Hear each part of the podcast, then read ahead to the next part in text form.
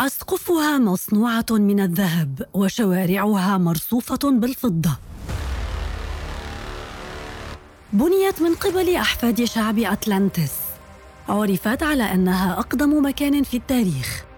اختفى العشرات في رحلات البحث عنها. قيل أنهم وجدوا المدينة والآن يعيشون فيها.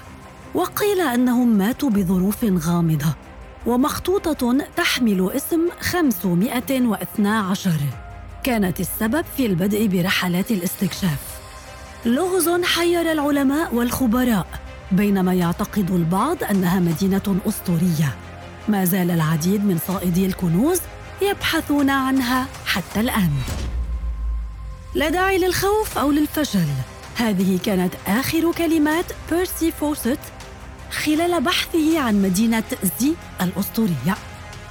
فما هو لغز اختفائه واختفاء العشرات من بعده؟ وما حقيقة هذه المدينة المبنية من الذهب؟ الكولونيل المغامر. مستكشف بريطاني مشهور أسرت مغامراته الأسطورية العالم. ولد الكولونيل بيرسي هاريسون فوسيت في إنجلترا عام 1867 وكان ضابطا في الجيش البريطاني. كما كان آخر المستكشفين الأقليميين المشهورين. عاش معظم حياته في الأدغال مصادقا القبائل التي لم ترى رجلا أبيض من قبل. في عام 1912 صاغ فوسيت نظيرات لمدينة أطلق عليها اسم زي حيث سمع خلال رحلاته شائعات عن مدينة سرية مدفونة في أدغال تشيلي. شوارعها مرصوفة بالفضة وسقوفها مصنوعة من الذهب. المخطوطة 512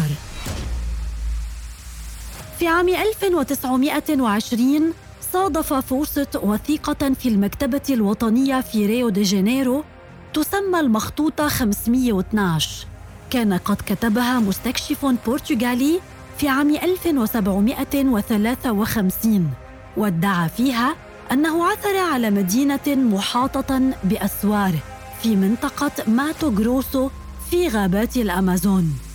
تحكي المخطوطة أيضا عن مدينة ضائعة مليئة بالفضة فيها مبان متعددة الطوابق. لاحقا تم رفض هذه الادعاءات من قبل علماء الآثار الذين اعتقدوا أن الأدغال لا يمكن أن تحتفظ بمثل هذه المدن الكبيرة. لكن فوست كان له رأي آخر. ففي عام 1921 انطلق في رحلته الاستكشافية الأولى للعثور على المدينة. وبعد وقت قصير من مغادرته أصيب هو وفريقه بالأحباط وعادوا إلى موطنهم بسبب الحيوانات الخطيرة والأمراض المتفشية. لكن فوست لم يستسلم وغادر بحثا عن مدينته الأسطورية في وقت لاحق من نفس العام. هذه المرة خرج من البرازيل في رحلة فردية. استمرت رحلته لمدة ثلاثة أشهر قبل أن يفشل مرة أخرى ويعود إلى موطنه ليصل عدد رحلاته إلى سبعة رحلات. أما الثامنة فكانت الأخيرة. الاختفاء الغامض. في إبريل 1925 عاد فورست إلى الأدغال للاستمرار ببحثه لكن هذه المرة كانت الرحلة مجهزة بشكل أفضل بسبب تمويلها من قبل الصحف والجمعيات. انضم إليه صديقه رالي ريميل وابنه جاك وعاملين برازيليين. وفي التاسع والعشرين من مايو 1925 وصل فوست ورفاقه إلى حافة منطقة غير مكتشفة.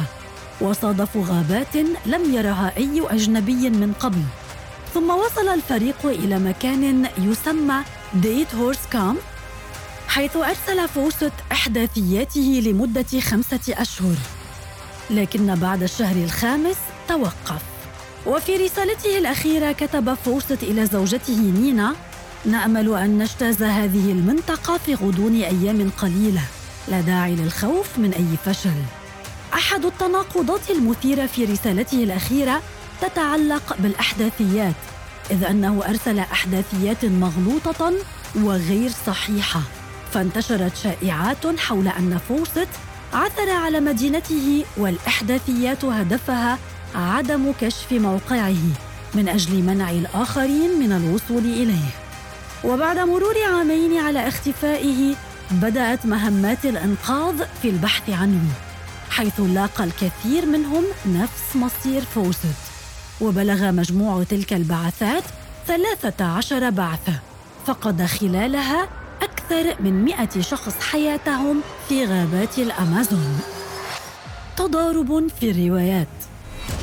قال التقرير الرسمي في إحدى مهام الإنقاذ أن فوست تم قتله لإهانة زعيم هندي لكن فوست كان دائم التحدث عن أهمية إقامة علاقات إيجابية مع سكان المنطقة الأصليين مما جعل البعض يشكك في هذه الرواية.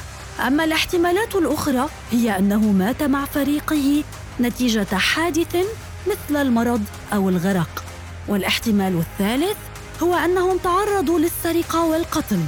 ففي عام 1952 أفاد هنود كالابالو في وسط البرازيل أن بعض المستكشفين قد مروا عبر منطقتهم وقتلوا بسبب حديثهم السيء إلى أطفال القرية.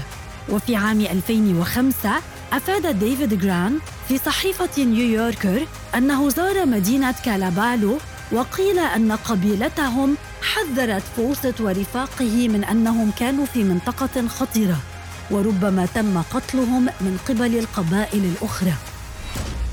أما بالنسبة للمدينة زي المفقودة فقد تم اكتشاف العديد من المدن القديمة وبقايا المواقع الدينية في السنوات الأخيرة في أدغال غواتيمالا والبرازيل.